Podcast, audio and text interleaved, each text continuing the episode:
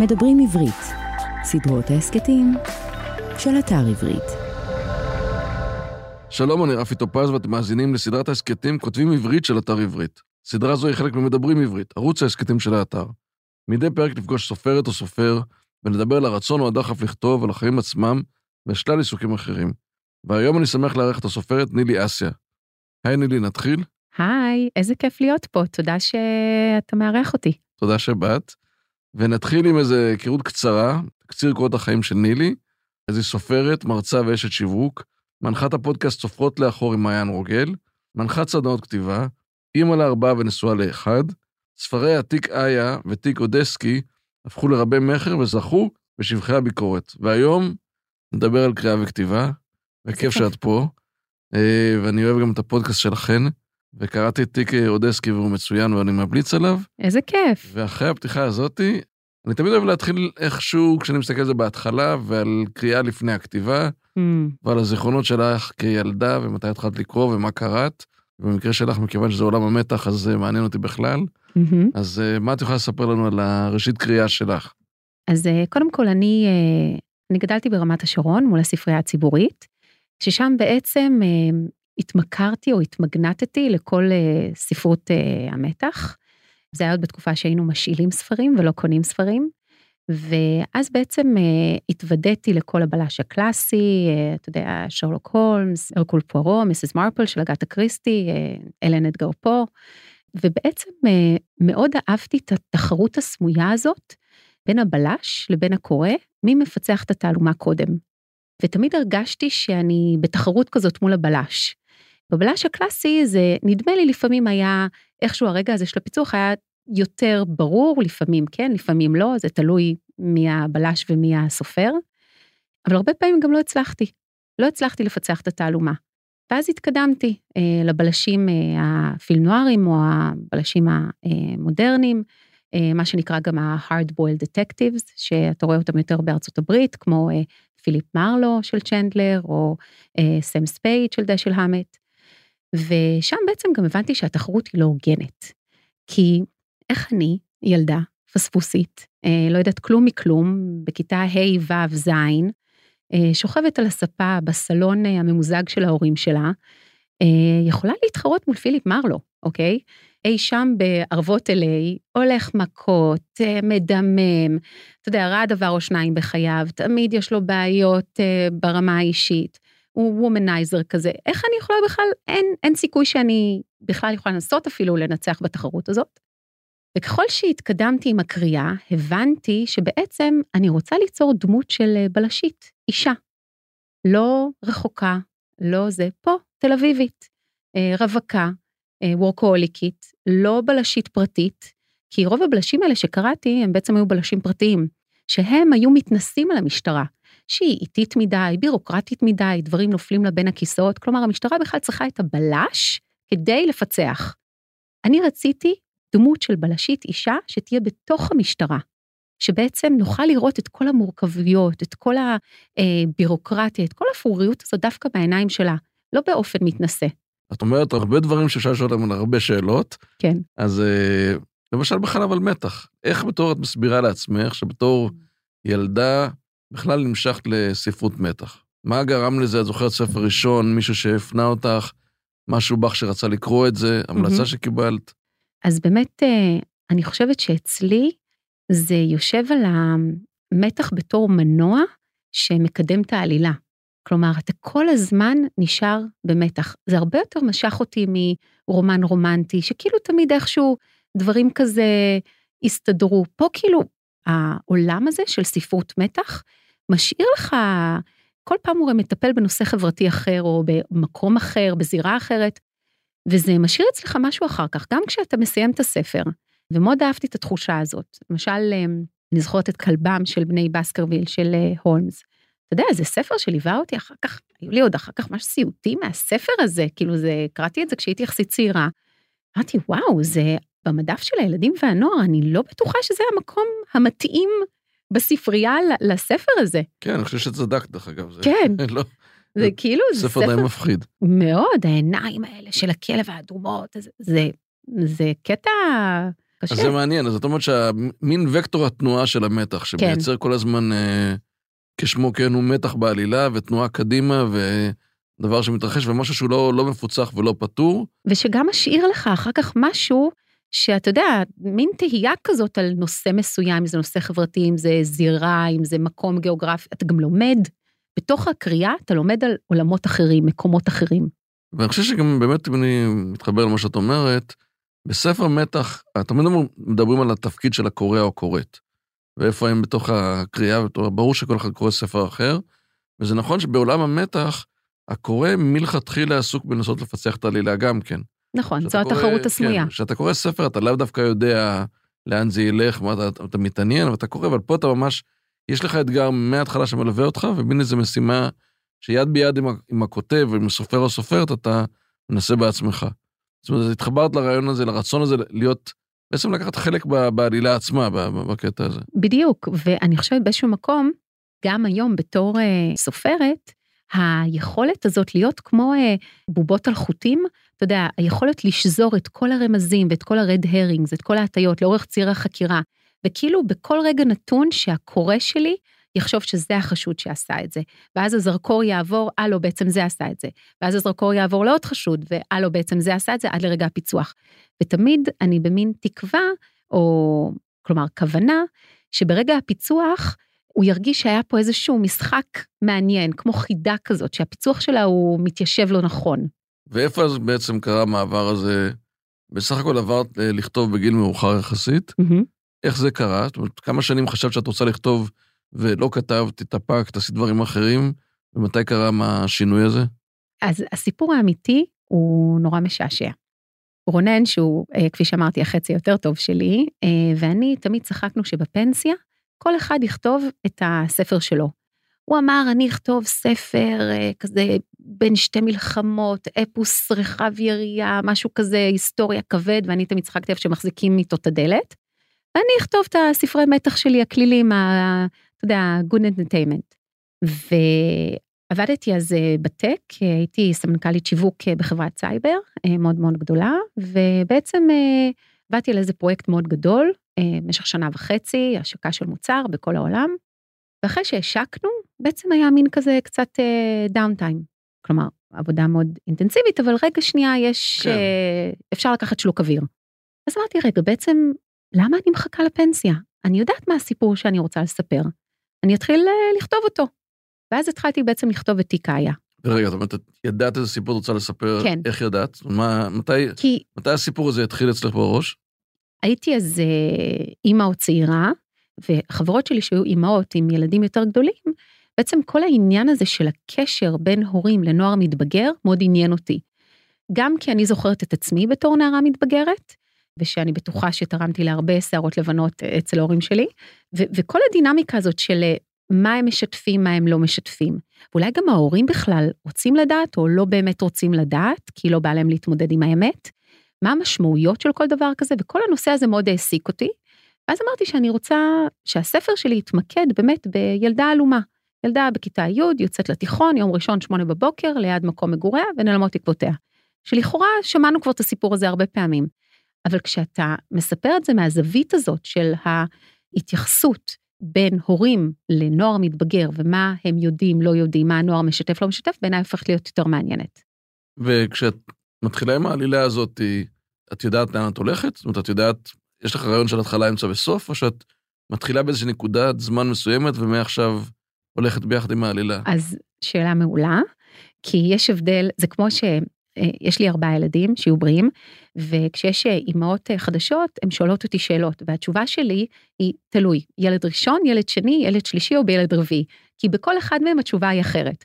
וגם פה, בספר הראשון, חשבתי שאני יודעת לאן אני הולכת, מהר מאוד הבנתי שאני טועה, ובספר השני כבר לא חזרתי על אותה טעות, היה לי ברור, הייתה לי טבלת אקסל, ויש לי ממש אחד הכלים שבעצם יצרתי לעצמי בתור כותבת, זה טבלת אקסל ענקית, שהיא בעצם לאורך כל ציר החקירה, בכל יום, בכל שעה, אני יודעת איפה כל דמות הייתה, מה היא עשתה ומה היא ידעה.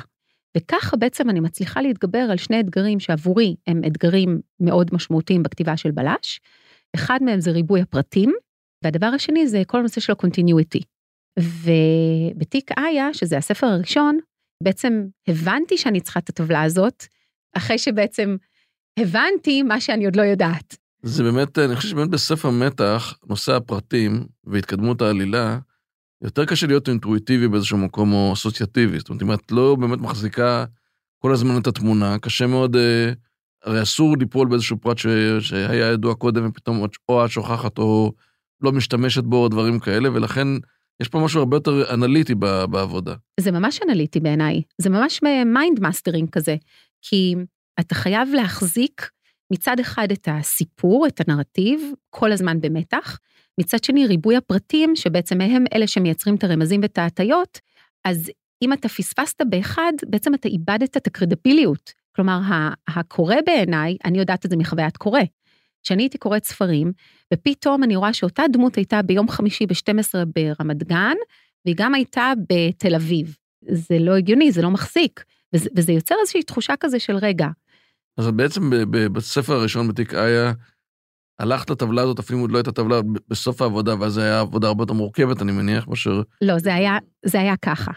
הייתי, עשיתי בעצם אה, סדנת כתיבה אצל, אה, בסדנות הבית, אצל אשכול נבו ואורית גידלי. הייתי כבר משהו כמו, בוא נגיד, 75 אה, אחוז כבר כתוב, אתה יודע, כבר עברת את החצי, אתה כבר רואה את האופק, אתה כבר, את האור, אתה כבר יודע לאן. זה תחושה מאוד uh, של ביטחון. ואז בעצם uh, אשכול אמר לי, תקשיבי נילי, את יודעת, כדאי שתעשי תחקיר, תיקחי חוקר או חוקרת משטרה בפנסיה, כשהם בתפקיד הרי הם לא יכולים לדבר, ותראי שמה שאת כותבת שם זה באמת אמין, זה נכון, זה קיים.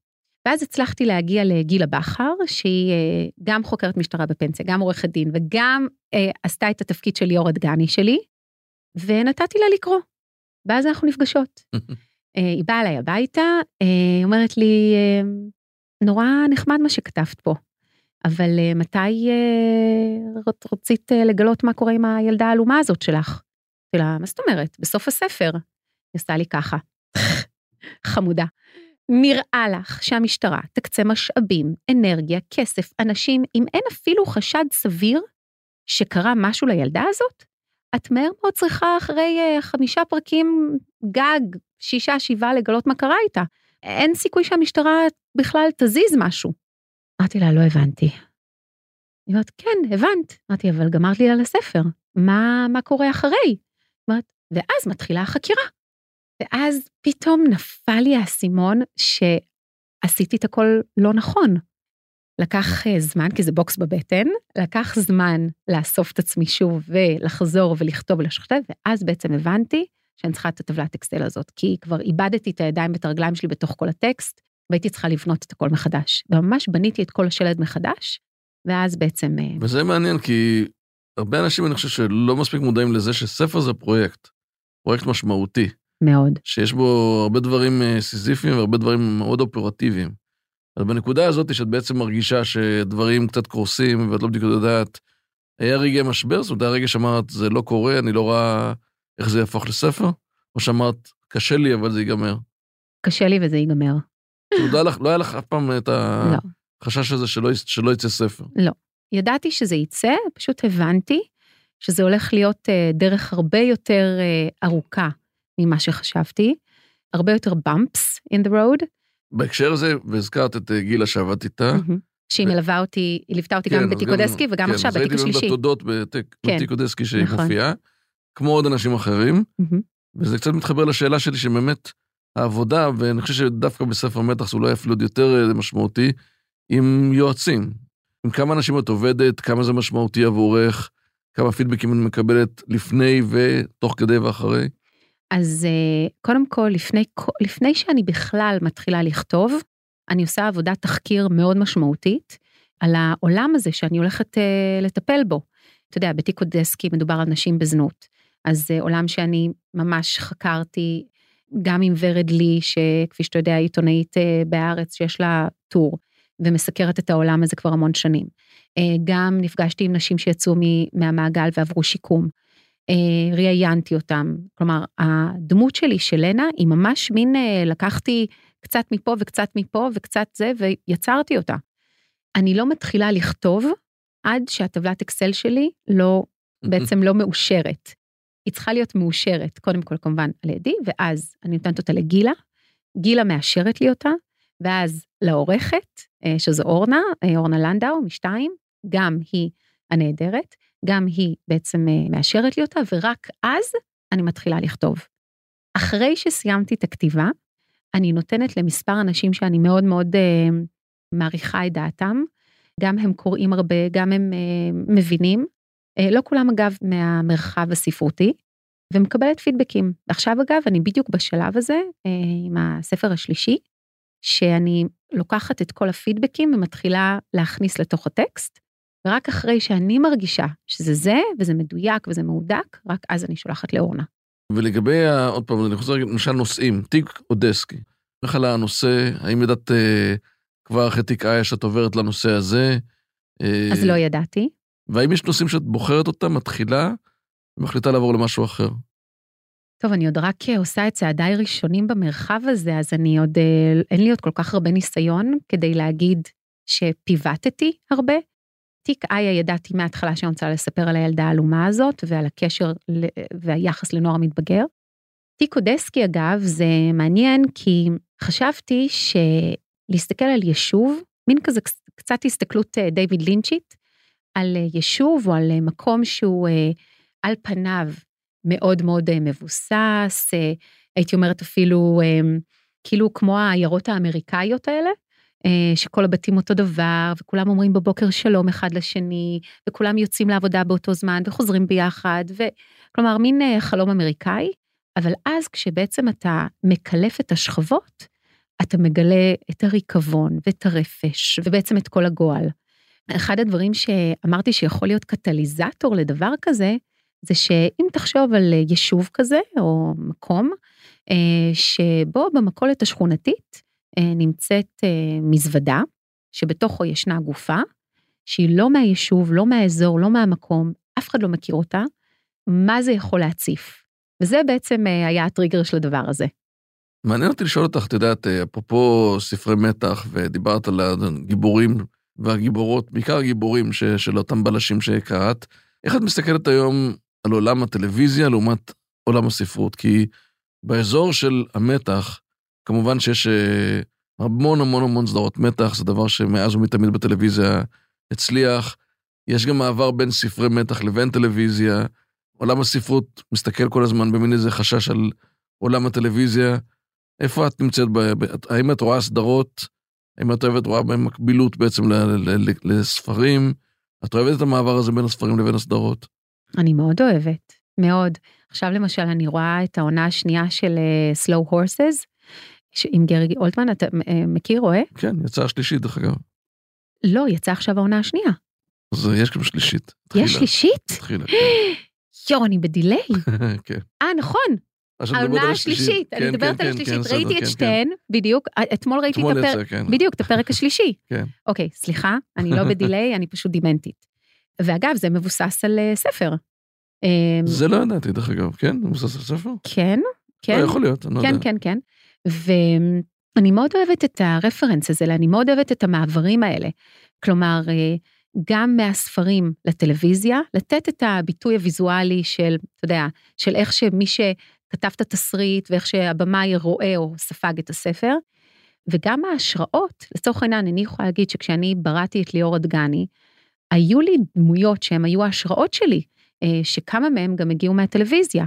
כלומר, כל ה cross referencing הזה הוא מאוד בריא בעיניי, כי הוא בעצם מייצר עוד. וכל דבר שאתה מוסיף עוד לקטגוריה הזאת הוא את חושבת, מעלה. כשאת כותבת, את חושבת גם איפשהו על טלוויזיה? זאת אומרת, אני רוצה שהספר יהפוך לסדרה, ל... ואת חושבת על דברים ויזואליים? זאת אומרת, זה נמצא אצלך או ש... אז הכתיבה שלי היא מאוד ויזואלית, כלומר, אני ממש רואה סצנות. כשאני כותבת, אני ממש רואה אותן.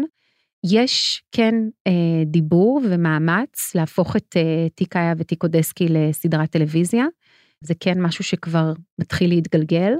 אה, אני מקווה מאוד שגם זה יתממש.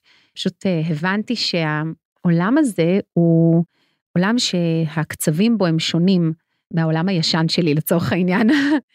אה, וזה בסדר, אתה יודע, העולם זז ואנחנו איתו. ואם נדבר על ליאור אדגני, שהיא הגיבורה. כפרה עליה.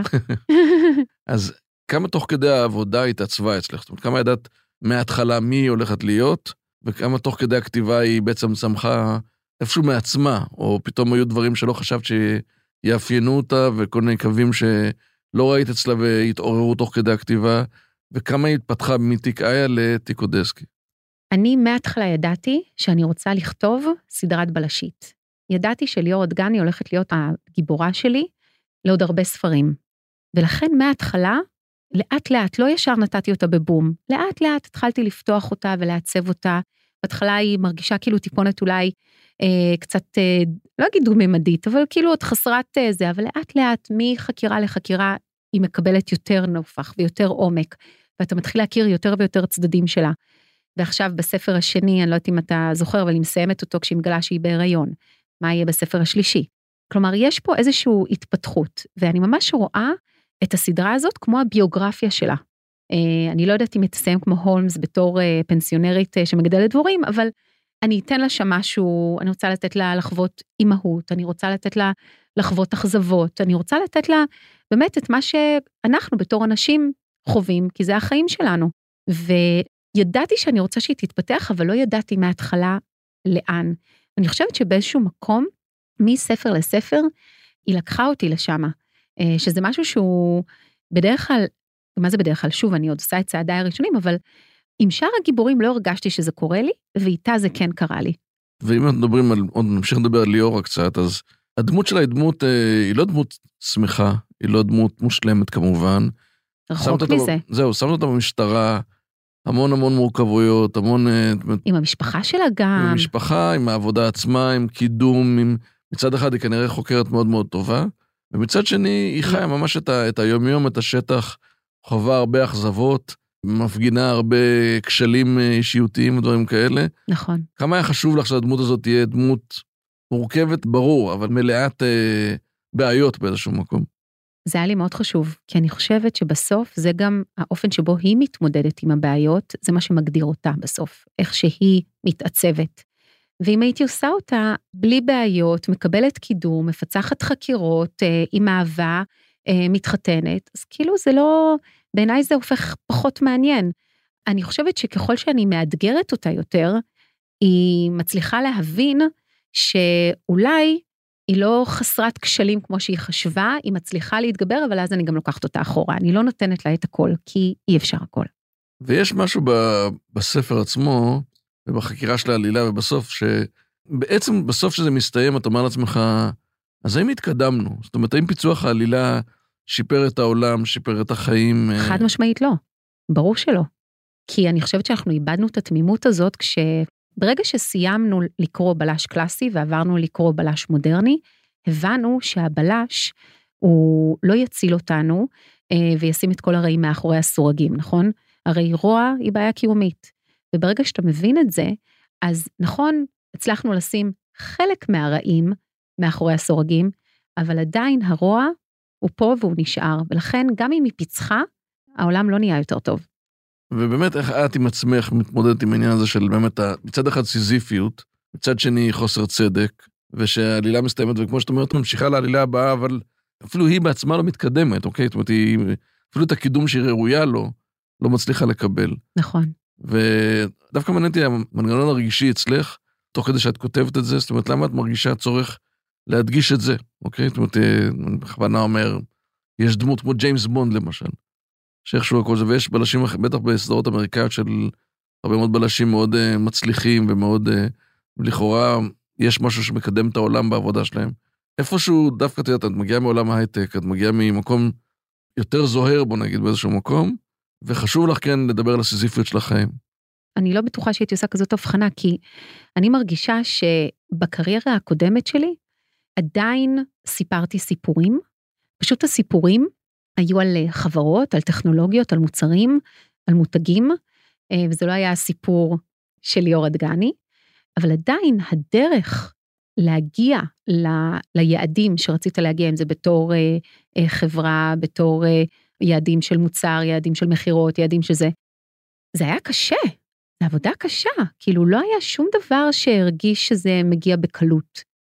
ונדמה לי, שוב, אני מעולם לא עבדתי במשטרה, אבל נדמה לי שגם בארגון כמו משטרה דברים לא קורים בקלות. כלומר, יש פה תהליך, גם מה, אתה יודע, מהתחקיר שעשיתי עם גילה.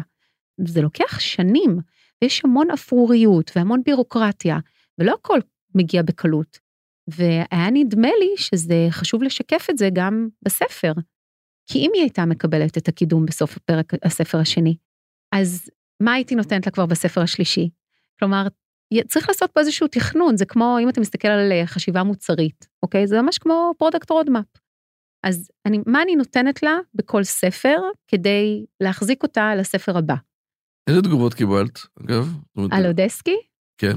אני חושבת שטובות. לא, מעניין אותי דווקא לא הטוב או הרע, אלא יותר הדברים שאו ריגשו אותך או הפתיעו אותך, או תגובות שלא ציפית להן, איש מקצוע או אשת מקצוע. אני חושבת, אז קיבלתי המון תגובות אה, על העולם הזה של אה, נשים בזנות, שאנשים לא ידעו המון ניואנסים שבעצם אה, אה, כתבתי עליהם. אה, גם היחס בכלל של אה, עובדים זרים לקשישים שהם מטפלים בהם, זו גם זווית מאוד מעניינת שגיליתי וחלק מהתחקיר שעשיתי וקיבלתי על זה המון תגובות של וואו, הזווית להציג את זה שכל הזמן מסתכלים על זה שהעובדים הזרים אולי מתנהגים בצורה מסוימת אה, לאנשים שאותם הם סועדים או מטפלים בהם. ופה אני בעצם מזמינה את הקורא לראות שלפעמים זה גם קורה הפוך. כן, כאילו הצצה כזאת לחברה הישראלית, זה מין איזשהו סנפשוט שאני חושבת שלא כתבו עליו פה בארץ אה, מספיק. ועכשיו את בספר השלישי בעצם, את אומרת, כבר כן, לקראת כן, הסוף, אני מניח. כן, כן, כן, כן. ואת יכולה לספר לנו משהו עליו, או שזה... אה, קודם כל, כן, תמיד.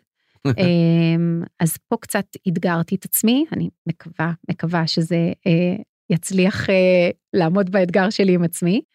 אבל אם בתיק איה יש לנו קו חקירה אחד, ילדה עלומה, בתיק אודסקי קו חקירה אחד, גופה במזוודה, אז בתיק החקירה השלישי, שאני עדיין לא יודעת איך קוראים לו, זה יהיה תיק משהו, בעצם יש לי שני קווי חקירה.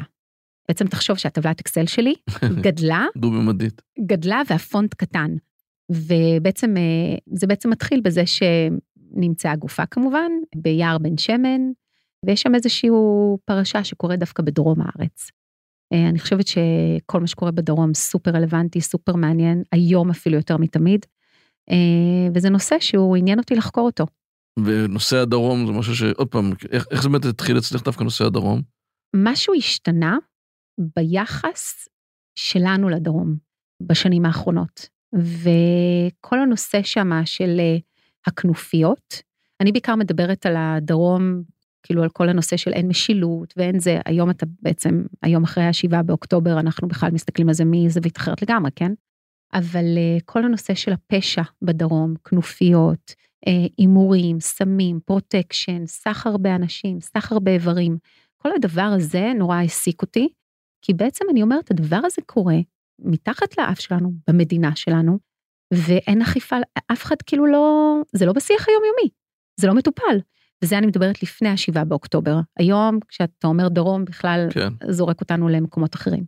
וזה העסיק אותי, עניין אותי לטפל בזה. ומה בעצם, היום הכתיבה, את פול טיים בכתיבה?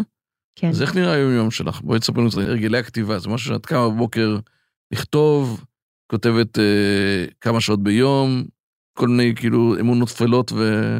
לא, אין לי אמונות טפלות, אה, אני מתעוררת בבוקר, אני מארגנת את הילדים, ואז בשמונה אני עושה יוגה, או יוגה או צעידה, אני נורא מקפידה כל יום לעשות אה, משהו בבוקר, ואז בתשע, תשע וחצי אני מתיישבת לכתוב, עד שתיים בערך, אה, שלוש לפעמים, תלוי ביום, ואז אותו דבר למחרת. אה, אבל אני, כן, כל יום משהו כמו... ואת נהנית מהתהליך? מהכתיבה עצמה, זה משהו שאת מחכה לו? מאוד. יש ימים, ש... אני אגיד את זה אחרת. ברור שאת אוהבת לכתוב באופן כללי, אבל האם יש ימים שקשה לך ואת לא מוותרת לעצמך. אמ, כן, אבל אמ, אני חושבת שהמשמעת היא כל כך אה, חשובה בדבר הזה, כי אם אני אוותר לעצמי, אז גם מחר אני אגיד את אותו דבר. אה, והסיבה שקשה לי, כי כנראה אני תקועה בטקסט. אני תקועה בטקסט ואני לא יודעת לאן להמשיך. כי נכון שהטבלת אקסל שלי עזרה לי, אבל בסוף היא מאוד ברמה הנרטיבית, היא פחות ברמה של אפיון הדמויות ועיצוב הדמויות. ולצלול רגע עמוק, ולמה הדמות הזאת תעשה ככה ולמה הדמות הזאת תעשה ככה. וזה הרבה פעמים מקומות שאני נתקעת בהם. ואז אני מתקשרת, יש לי כאלה uh, writing buddies שהם uh, עוזרים לי, ו, ו, ו, ואני מנסה לצאת מהפלונטר הזה, כי זה לא עניין, המילה היא לא לוותר, העניין היא להתמודד עם, ה, עם התקיעות. כי זה הרי בעצם הקטע הקשה, כשאנחנו נתקעים בטקסט, עבורי לפחות. אז uh, כן. ויש איזה שהם געגועים לעולם של פעם, של עבודה בהייטק, או ש... אני אגיד ככה, אני כל כך נהנית מהעשייה שלי היום, מהמרחב הספרותי הזה, מהיצירה. בסופו של היום, זה משהו שיישאר פה אחרי המאה ה-20 שלנו. והעבודה שלי בתור סמנכ"לית שיווק עשתה, אני רוצה להאמין, הרבה טוב לארגונים, אבל אני לא בטוחה שאחרי המאה ה-20 שלנו פה, זה משהו שהוא יישאר. ויש משהו מאוד uh, טוב לדעת שאפילו חתיכה קטנה מיצירה שאתה תרמת, עשית, הגית, נשארת פה. וזה לא רק הספרים, זה אפילו uh, הפודקאסט שמעיין ואני עושות, שזה סופרות לאחור, ועכשיו אנחנו מבשלות על אש קטנה עוד משהו, uh, עוד יצירה סופר מעניינת. אז כל הדברים האלה, בסופו של היום, אני מסתכלת על זה לא רק uh, הספרים עצמם, אלא עוד יצירות, זה עוד מקומות שהקול שלי נשמע בהם. ואני מאוד נהנית מזה, כי זה משהו שהוא בעיניי ייחודי. טוב, נעבור לשאלון קצר. שוט. בוקר או ערב? בוקר. ספר או סדרה? ספר. ואיזה ספר את קוראת עכשיו? יש איזה משהו שאת יכולה להגיד עליו? אני קוראת עכשיו, מעיין רוגל נתנה לי את אה, שעות אפלות, התחלתי אותו, אה, ואני עוד ממש רק בהתחלה. אז אני עוד לא יודעת להגיד עליו כלום. אוקיי. ג'אנק פוד או גורמה? גורמה, קל. פריז או רומא? פריז. אה, את מאוד החלטי, זה יופי. מוסיקה או שקט? אה, זו שאלה קשה. זה בגלל שאמרת שאת החלטית כנראה. כן, בדיוק אתגרת אותי. אה, אני אגיד ככה, בבית, כשאני בעבודה, כשאני חושבת שאני כותבת, שקט. בערב, כשאני יוצאת, מוזיקה. עט או מקלדת? אני מניח שאת לא כותבת בעט. לא, מקלדת. קר או חם? אני אוהבת שחם לי, אבל אני אוהבת שקר בחוץ. מטרה או דרך? אה, וואו, זו שאלה מעולה, כי אני מאוד מוכוונת מטרה, אבל אני גם יודעת ליהנות מהדרך. בחרת בדרך, אבל. בחרתי בדרך, חד משמעית. הכתיבה, אתה לא יכול... כשאתה כותב, אתה יכול לבחור רק במטרה? אה, לא, אבל אפילו עצם העובדה שבחרת בכתיבה זה כאילו בחירה בדרך. בדיוק. האם תעדיפי תמיד להקדים בשעה או לעולם לאחר ב-20 דקות? להקדים בשעה. נילי, תודה רבה, היה מרתק. איזה כיף, רפי, היה כזה כיף. שמחתי מאוד לארח אותך, באמת. האזנתם לכותבים עברית, סדרת ראיונות עם סופרות וסופרים במסגרת ערוץ ההסכתים של אתר עברית. באתר עברית תוכלו למצוא אלפי ספרים בכל הפורמטים, דיגיטליים, קוליים ומודפסים, וגם, כמובן, את הספרים של נילי יאסה. להתראות בפרק הבא. האזנתם לדברים עברית. סדרות ההסכתים מבית אתר עברית, חנות הספרים הדיגיטליים, מודפסים והקוליים הגדולה בישראל. ספר זה וספרים נוספים מחכים לכם באתר עברית.